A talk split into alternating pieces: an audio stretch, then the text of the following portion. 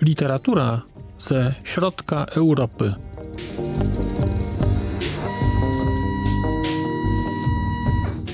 Podcast około książkowy.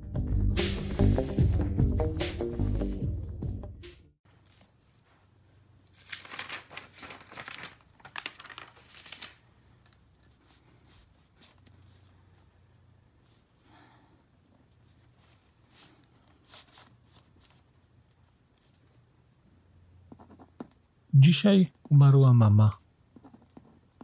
Naprawdę wierzy pan, że takie proste twierdzenie może zrodzić się w umyśle pisarza? Zapewniam pana, że nie. Pisarze to na ogół ludzie skomplikowani, wewnętrznie rozdarci, pokrętni, pełni sprzeczności, czerwoni z ambicji, niezbyt hojni jako osoby społeczne, chociaż spalają się dla idei ludzkości.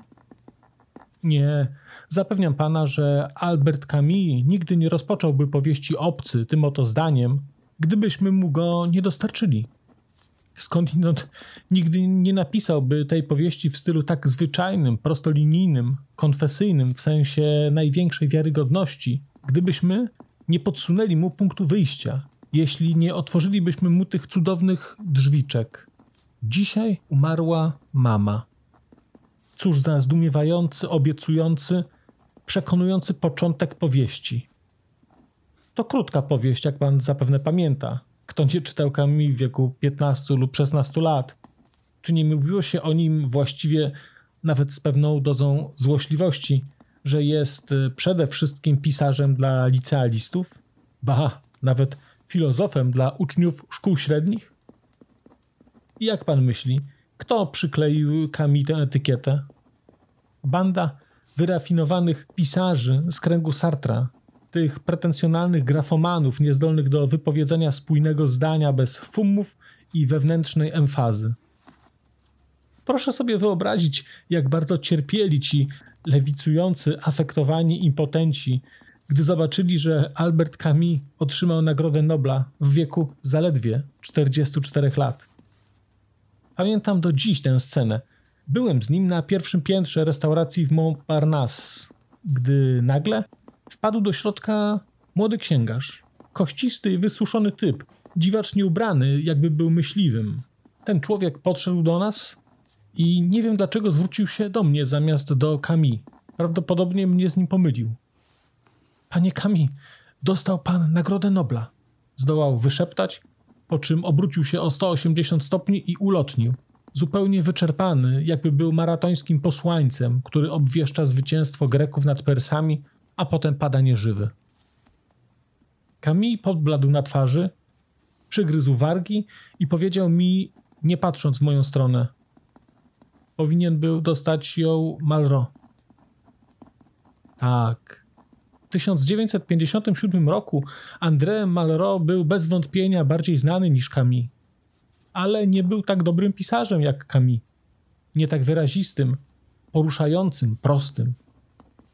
U Malraux zawsze żenował mnie pewien podtekst dydaktyczny, którego nie było u Camille. Camille pisze tak, jakby zdejmował koszulę, żeby pokazać swoje blizny. Tamtego roku, 1957, Camille zwyciężył w wyścigu, w którym brali udział także Samuel Beckett, Boris Pasternak oraz St. John Peirce. Nikt nigdy nie, się jednak nie dowie, jakie było drugie zdanie wypowiedziane przez Camille po powinien był ją dostać Malraux. Ale pan zasługuje na to, by je poznać. Odwrócił się do mnie i powiedział zwyczajne merci. Obaj dobrze wiedzieliśmy, do czego odnosiło się owo merci. Bez zdania dzisiaj umarła mama, Camille nie byłby Camille.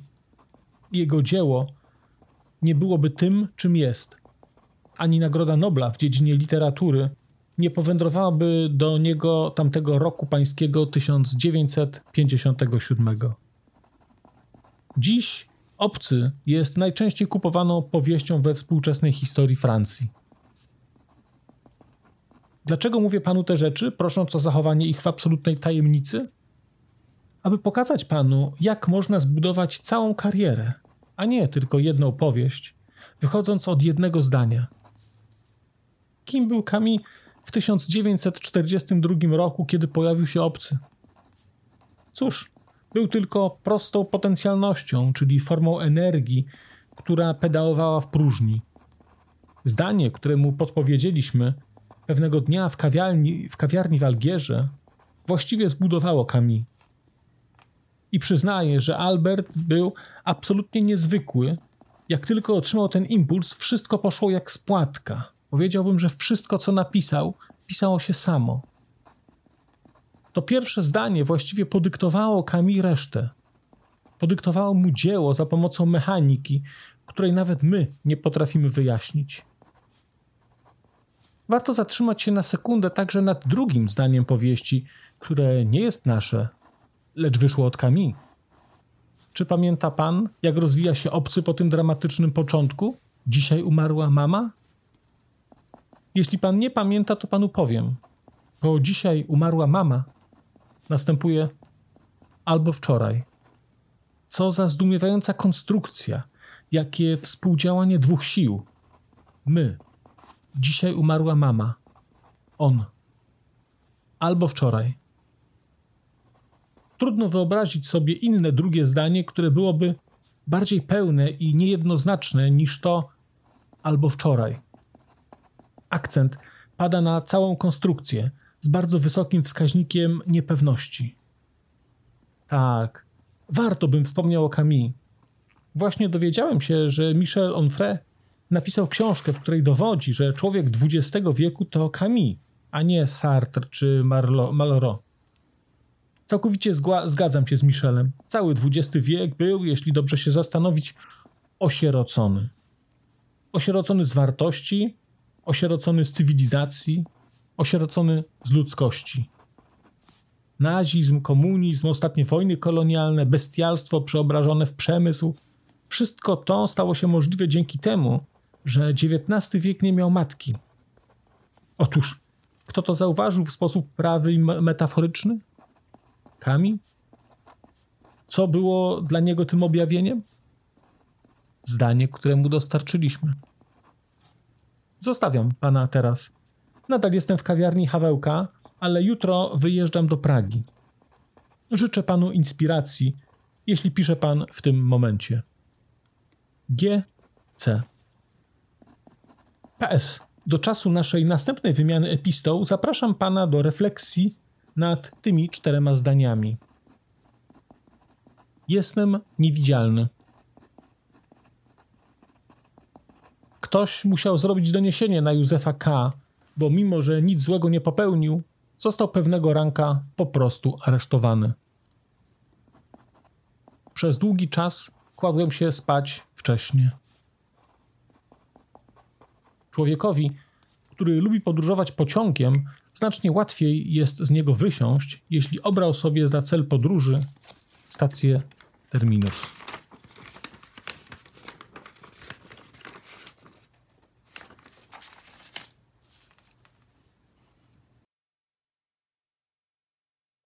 Dzień dobry Państwu. Witam Państwa w kolejnym odcinku podcastu Znak Litera Człowiek. Przed mikrofonem Marcin Piotrowski, ale słowa, które wybrzmiały przed chwilą, nie są niestety moimi słowami. Być może sądzili Państwo, że to ja tak pięknie piszę, ale nie, ale nie.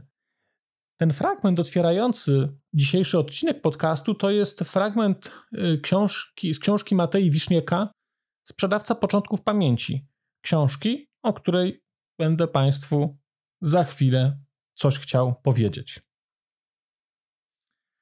Książka ta, książka Sprzedawca Początków Pamięci została e, napisana w roku 2013, a polska edycja ukazała się w roku 2018 nakładem wydawnictwa Universitas, krakowskiego wydawnictwa Universitas, e, akademickiego, ale jak się okazuje, ja o tym nie wiedziałem, wydającego także prozę. Y, Universitas wydaje taką serię, która nazywa się Rumunia Dzisiaj I książka Matej Wisznieka jest jedną, jednym z tomów tej serii.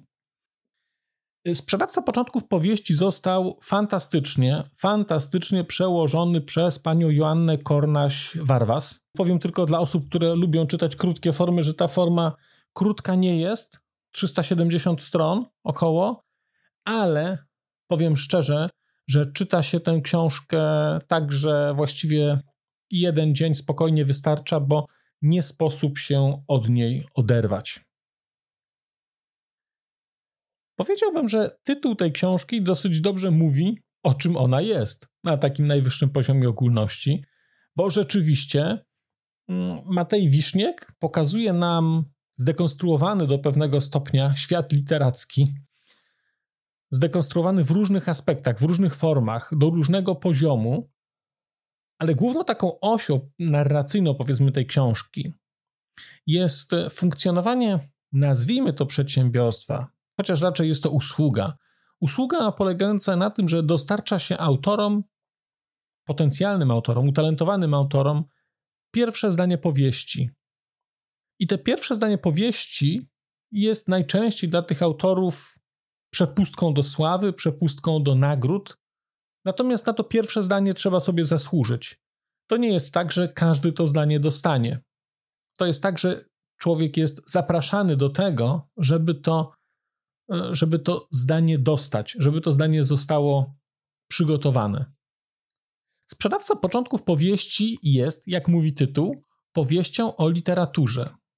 Jest to powieść o literaturze, jest to powieść o procesie twórczym, jest to powieść o pisaniu, ale przede wszystkim cała ta książka jest e, cudowną w swojej formie dekonstrukcją przeróżnych elementów szeroko rozumianej literatury, teorii, wątków, typów. Y, no, czego Państwo, co Państwo sobie zażyczycie zdekonstruować, to na pewno jakiś fragment tutaj mm, tego znajdziecie, znajdziecie w książce.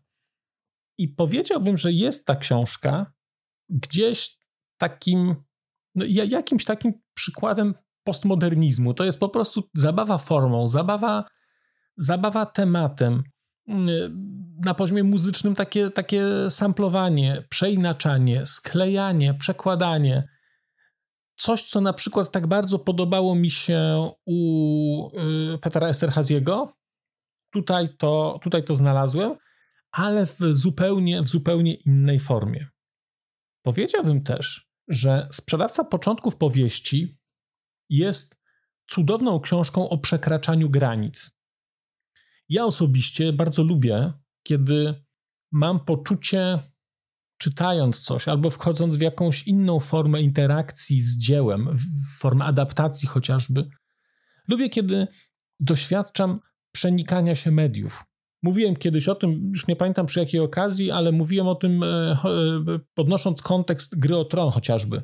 I tego, że jest coś napisanego, jest coś sfilmowanego, te rzeczy zaczęły się tak samo, te rzeczy kończą się różnie i tak naprawdę nie będzie jednej ostatecznej wersji najprawdopodobniej. Nigdy nie wiemy, jak George Martin wyobrażał sobie ten koniec, bo pewnie sam go sobie nie wyobrażał. Wiemy, jak wygląda on w telewizji czy w serialu. A sprzedawca początków powieści stawia pytania o to, gdzie kończy się literatura, a gdzie zaczyna się życie. Gdzie kończy się jawa, a gdzie zaczyna się sen w ogóle jednym z takich wątków, które ciągną się przez, przez całą tę powieść, jest wątek, nazwijmy to snu, nazwijmy to jakiejś formy oniryczności, ale nie jest to taka oniryczność, którą Państwo gdzieś znacie, jeżeli mówimy, że, że książka ma charakter oniryczny. O nie, tutaj to jest coś znacznie lepszego, bo ten sen jest pokazany na poziomie takim bardzo konkretnym, wręcz technicznym, wręcz biologicznym, udało się Wiszniekowi w kilku miejscach zrobić rzecz absolutnie unikalną. Ja się pierwszy raz z czymś takim spotkałem, mianowicie w sposób literacki opisać kilka snów. I jest to zrobione tak, że mamy wrażenie uczestniczenia w tych snach. Natomiast te sny nie mają takiego charakteru, jak sobie gdzieś tam wyobrażamy jakieś niedopowiedzenie, jakieś rozmemłanie. One mają taki perfekcyjny charakter snu, czyli bardzo konkretne rzeczy i czasami w ramach tych konkretnych rzeczy pojawiające się jakieś, nazwijmy to, anomalie, pewne takie typowe dla snu odbiegnięcia od rzeczywistości, przekręcenia, takie twisty. Jest y, w tej książce takich kilkanaście snów gdzieś opisanych i byłem przy drugim albo trzecim zorientowałem się, że jestem zachwycony tym, jak bardzo przy użyciu bardzo prostych środków stylistycznych, bo to jest zwyczajne pisanie, tu nie ma jakichś formalnych zabiegów. Jak dobrze to zostało oddane, jak dobrze oddana jest idea snu jako takiego podbicia rzeczywistości, a do pewnego stopnia jej zaprzeczenia. Jest cały wątek typologii snów tutaj pokazany. Coś wspaniałego, coś wspaniałego. To jest jeden z wątków, tylko bo tu jest w całej książce właściwie jest kilka wątków, które gdzieś się przewijają ze sobą. Jest y, cały wątek dotyczący powiedzmy konfliktu, czy może nie konfliktu, ale tej takiej zasadniczej, fundamentalnej różnicy między Europą a Stanami Zjednoczonymi. Jest wątek różnicy między Europą Środkową, reprezentowaną tutaj jako Rumu przez Rumunię, a krajami zachodnimi, reprezentowanymi tutaj przez Francję. Natomiast udało się Wiszniekowi zrobić to w taki sposób, że mimo, że widać jego dystans do pewnych rzeczy i widać, że on się z pewnych rzeczy delikatnie może podśmiewa, że one gdzieś nie są jego piosenką, o tyle jest to zrobione w taki sposób, że udaje się uniknąć chociażby takiego elementu, który się pojawiał w, chociażby w anomalii, którą czytałem przy okazji akcji francuskie przedwiośnie prawie rok temu, gdzie miałem wrażenie, że to wszystko było za bardzo podkręcone, że to wszystko było doprowadzone, ta, ta różnica między Europą a Stanami, różnica między wierzącymi a niewierzącymi, była doprowadzona do poziomu takiego rechotu z drugiej strony. Tutaj tego nie ma. Tutaj to wszystko jest dowcipne, Tutaj to wszystko jest cięte ostro, jak brzytwą, ale jednocześnie ma to styl. I widać, jakie autor ma poglądy, widać, co mu się podoba, a co nie, ale ta ręka jest wstrzymana. Tutaj, tutaj się nie kopie leżącego. No właściwie to nie ręka, tylko noga się w tym wypadku y, po, po, powstrzymuje. Cudowne są wątki dotyczące relacji między powieściami dotyczące tego, że książki czy powieści ze sobą rozmawiają fizycznie. To jest zrobione, to jest zrobione przepięknie. E, relacja życie-życie, relacja sen-życie. No nie chcę Państwu tutaj za dużo opowiadać, bo boję się, że nawet pojedyncze słowa mogą, mogą być spoilerami, a ta książka ma w sobie co najmniej kilka takich mo momentów, że e, no, robi to wrażenie na poziomie koncepcji, która została tutaj stworzona, i człowiek się zastanawia, no niezłe, trochę to ciekawe, rzeczywiście. Tak jak jeżeli, nie wiem, oglądali Państwo Matrix tam jest pokazane w Matrixie déjà vu jako zjawisko błędu Matrixa. Jest to wytłumaczone, że system po prostu się zawiesił, coś skopiował coś niewłaściwie i stąd mamy wrażenie déjà vu i człowiek się nad tym zastanawia bliżej myśli sobie o rany, to rzeczywiście tak może być. To tutaj też są takie wątki dotyczące właśnie chociażby snów i tego, co znaczy śnić, co znaczy żyć. I kiedy tak człowiek o tym myśli, jak to czyta, to myśli, hmm, a może jest coś na rzeczy. Matej Wiszniek od lat mieszka we Francji ma chyba nawet francuskie obywatelstwo, wydaje mi się. I ta książka jest bazowo za, za, zanurzona bardzo mocno w kulturze francuskiej.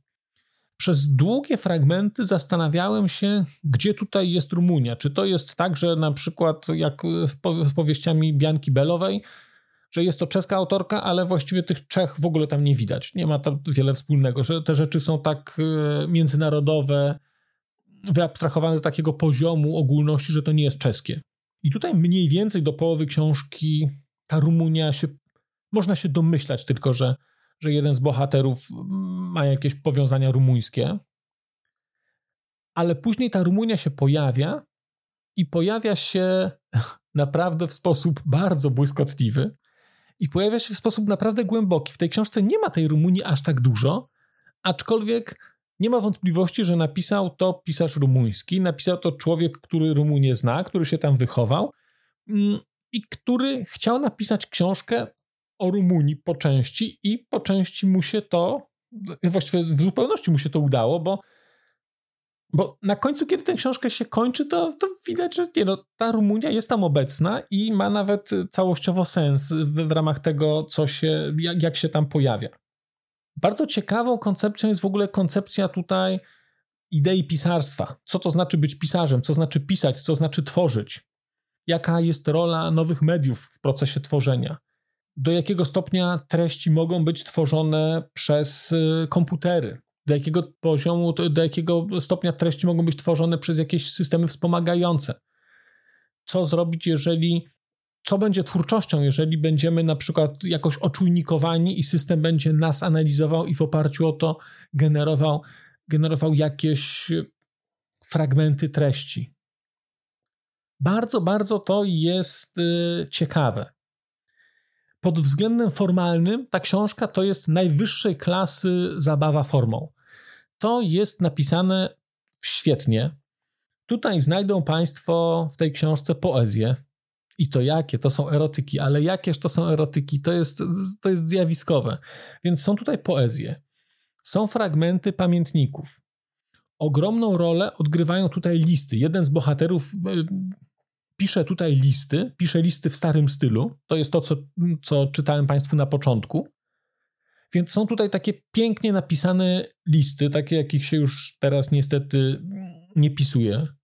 Są fragmenty dialogu ze sztuczną inteligencją, takich rozmów z robotem, z systemem, jak system stara się do czegoś człowieka przekonać, jak człowiek wchodzi w interakcję z tym, z tym systemem. Są elementy utopii i takiej antyutopii, i też tutaj jest, można byłoby powiedzieć, że fragmentami mamy wrażenie w ogóle, że to jest książka o charakterze gdzieś tam takim trochę fantastycznym, bo, bo, bo pojawiają się takie, takie troszkę takie, takie wątki. Ale jest jeszcze całość taka podlana takim naprawdę zdrowym absurdem, zdrowym nonsensem. I pozwolą Państwo, że przeczytam właśnie fragment dotyczący Rumunii, który, przyznaję, mnie osobiście zachwycił. Jest to rozdział 54. Seria samobójstw literackich, które zdarzyły się w Rumunii pod koniec drugiej dekady XXI wieku, cieszyła się ograniczonym rozgłosem w mediach międzynarodowych. Powiedziałbym nawet, że Rumunia ponownie miała pecha.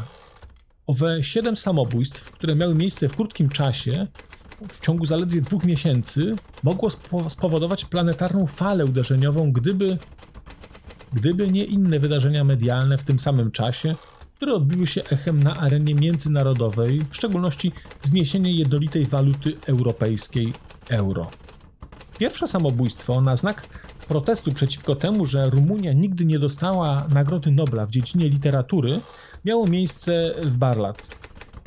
Pewien emerytowany profesor literatury powiesił się w bibliotece miejskiej, do której zdaje się miał nieograniczony dostęp, gdyż jego siostrzenica pracowała tam w dziale literatury dziecięcej. 67-letni mężczyzna, znany wielu ludziom jako wielki miłośnik książek. Skądinąd miał też tomik poezji wydany własnym sumptem. Pozostawił po sobie wymowny list i więcej wiadomości rozesłanych do przyjaciół, by usprawiedliwić swój czyn. Oto jego wiadomość. Nie mogę dłużej żyć w tych warunkach niesprawiedliwości. Rumunia jest w sposób ewidentny i niesłusznie prześladowana z literackiego punktu widzenia na tej planecie. Nie rozumiem i nie zgadzam się z tym, że Komitet Noblowski nie odkrył dotychczas żadnego autora piszącego po rumuńsku, godnego otrzymania tego wyróżnienia. Świat przechodzi obok nas tak, jakbyśmy byli niczym, jakbyśmy nie istnieli na mapie świata. Nie liczymy się na szachownicy rozgrywek planetarnych i to mnie boli. Chciałbym również podkreślić teraz, zanim umrę, że nie mam nic przeciwko przyznaniu Nagrody Nobla w dziedzinie literatury pisarzowi z Rumunii piszącemu po niemiecku, jak to miało miejsce w 2009 roku w przypadku Herty Miller. Ale uważam za niesprawiedliwy fakt, że żaden pisarz języka rumuńskiego nie został dotąd nagrodzony. Być może ta ogromna niesprawiedliwość wyrządzona literaturze rumuńskiej nie dotyka większości Rumunów. Ja natomiast czuję, że duszę się w takich warunkach pełni moich władz umysłowych postanawiam odebrać sobie życie na znak protestu. Jako człowiek, który przeczytał przez przeszło 50 lat wszystko, praktycznie wszystko, co napisano w przedmiocie literatury w Rumunii, mogę powiedzieć, że nie zasługujemy na takie traktowanie, że nie zasługujemy na tę kulturową marginalizację. Mam nadzieję, że mój gest zyska wymiar krzyku, który dotrze do Akademii Szwedzkiej. Głos emerytowanego nauczyciela był traktowany początkowo jako konsekwencja kryzysu demencji, pomimo tego, że mężczyzna deklarował, że był w pełni swoich władz umysłowych. Wiadomość nie przedostała się poza granice Rumunii, a w samej Rumunii była komentowana bardzo zdawkowo przez kilka dni. Tylko jeden reporter z kanału telewizyjnego Patch Information odbył podróż do Bariat wraz z kamerzystą, aby poszperać trochę przeszłości tego mężczyzny, gdzie skądinąd niczego nie znalazł. Prawdopodobnie to samobójstwo z pobudek literackich pozostałoby na poziomie drobnego wydarzenia, niebywałych wiadomości, gdyby trzy dni później nie zdarzył się drugi rozpaczliwy gest tego typu. Tym razem w Bukareszcie i to w siedzibie Związku Pisarzy. Poeta 35-letni, z moralnej przyzwoitości unikam podawania jego nazwiska, podobnie jak w przypadku pozostałych samobójców literackich, dokonał samospalenia przed domem Wernesku, innym starym pałacem bukareszteńskim, który stał się nową siedzibą Związku Pisarzy po utracie domu Monterou. Młody poeta zdołał dokonać tego aktu ofiary w, spo w sposób znacznie skuteczniejszy niż emeryt z Barlat. Oblał się benzyną i podpalił pewnego popołudnia, gdy właśnie odbywało się burzliwe zgromadzenie generalne Związku Pisarzy. Pisarze poprosili o przerwę na kawę, a większość z nich wyszła na dziedziniec domu Wernesku, żeby zapalić papieroska. Wielu dziennikarzy i co najmniej dwie ekipy telewizyjne były na miejscu, a prezes Związku Pisarzy udzielał właśnie wywiadu telewizyjnego na schodach budynku, gdy młody poeta zapalił się jak pochodnia, a wokół niego fruwały setki ulotek. Mężczyzna przygotował swoją akcję wcześniej i wydrukował kilkaset manifestów, które natychmiast zostały przeczytane przez wszystkich pisarzy dziennikarzy, przechodniów i agentów Securitate. Oto treść jego wiadomości. Dość. Dość pogardy i obojętności Zachodu wobec literatury rumuńskiej. Pisarze rumuńscy, zasługujecie w pełni na Nagrodę Nobla w dziedzinie literatury. Nie pozwólcie pozbawić się światowego uznania. Żądajcie najwyższej rekompensaty. Żądajcie widoczności kulturalnej. Nobel dla Rumunii. Teraz. To ostatnie zdanie manifestu Nobel dla Rumunii teraz było również ostatnim krzykiem poety przed śmiercią. Udało mu się to wymówić co najmniej 15 razy, zanim upadł i stracił przytomność. Cała ta scena wywoływała ogromne poruszenie wśród obecnych. Nikt nie wiedział, jak zareagować na ten gest. Kilku pisarzy pochyliło się, by wziąć ulotkę i pospiesznie ją przeczytać, zanim spróbowali ugasić płomienie pochłaniające ich kolegę. Ponieważ pogoda była upalna, większość osób, które wychodziły na papierosa, była ubrana lekko, w koszule i t-shirty, a kobiety w lniane sukienki. Gdyby ludzie mieli na sobie marynarki, możliwe, że zdjęliby je szybko i próbowali ugasić płomienie. Ale w tej zwięzłej sytuacji odzieżowej poczuli się rozbrojeni. Jeden pisarz zdjął jednak koszulę i próbował tłumić nią płomienie, które zwęglały jego kolegę samobójcę, ale jego odważna inicjatywa nie przyniosła żadnego rezultatu. Wręcz przeciwnie, koszula zajęła się ogniem i stała się pożywką dla żywej pochodni z dziedzińca domu pisarzy. Nie będę rozwijał tych chorobliwych szczegółów, co najmniej dwóch pisarzy zemdlało na schodach domu Wernesku, widząc ten straszliwy spektakl, a inne dwie lub trzy osoby zaczęły wymiotować, ponieważ to nie one są tu ważne. Ważniejsze jest to, że tego samego wieczoru wszystkie stacje telewizyjne w Rumunii rozpoczęły dziennik od zdjęć tego autodafé, zdjęć poety męczennika, który umarł dla sprawy uznania przez Zachód uniwersalnej wartości literatury rumuńskiej. Historia ma oczywiście ciąg dalszy, to nie jest koniec tej historii. Zachęcam Państwa bardzo, zachęcam Państwa bardzo do lektury Matei Wisznieka, sprzedawcy początków powieści. Rzecz jest znakomita. Im więcej Państwo o literaturze wiecie, tym większą będziecie mieć przyjemność z czytania, z dekodowania tych wszystkich rzeczy, które tam są. Nawet jeżeli jesteście Państwo osobami o ograniczonej jakiejś znajomości literatury, jak mówiący te słowa. I tak znajdziecie tam rzeczy, które będziecie w stanie odkodować, bo wystarcza do tego poziom licealny i to nawet sprzed lat kilkudziesięciu. Bardzo, bardzo Państwa do tej powieści zachęcam. Znakomita, znakomita rzecz. Muszę przyznać, że pierwsza książka, którą przeczytałem w roku 2023, ustawiła poprzeczkę wysoko. No ale cóż, narzekać nie będę. Matej Wiszniek, sprzedawca początków powieści, wydawnictwo Universitas. Ja dziękuję bardzo Państwu za uwagę. Zapraszam za czas jakiś. Tymczasem żegnam się. Do usłyszenia. Przez mikrofon mówił do Państwa Marcin Piotrowski. A już zupełnie na koniec powiem, że skoro wysłuchaliście Państwo tego odcinka, to w jego opisie znajdziecie link do serwisu YouTube. W wersji YouTube'owej e, jest miejsce na skomentowanie go. To jest takie miejsce, gdzie można komentować ten odcinek, rozmawiać, zadawać pytania, wymieniać się spostrzeżeniami, do czego Państwa bardzo zachęcam, gdyż udało się już na tym YouTubie zgromadzić trochę bardzo ciekawych osób, bardzo ciekawych komentarzy i trochę stworzyć taką społeczność ludzi rozmawiających o książkach. Też na koniec, zupełnie na koniec, e, poproszę Państwa o wystawienie oceny mi w ramach e, tych platform podcastowych, na których Państwo tego odcinka wysłuchaliście. I nieważne jaka ta ocena będzie, istotne dla mnie po prostu, że będzie. Tymczasem się żegnam już naprawdę i do usłyszenia za czas jakiś.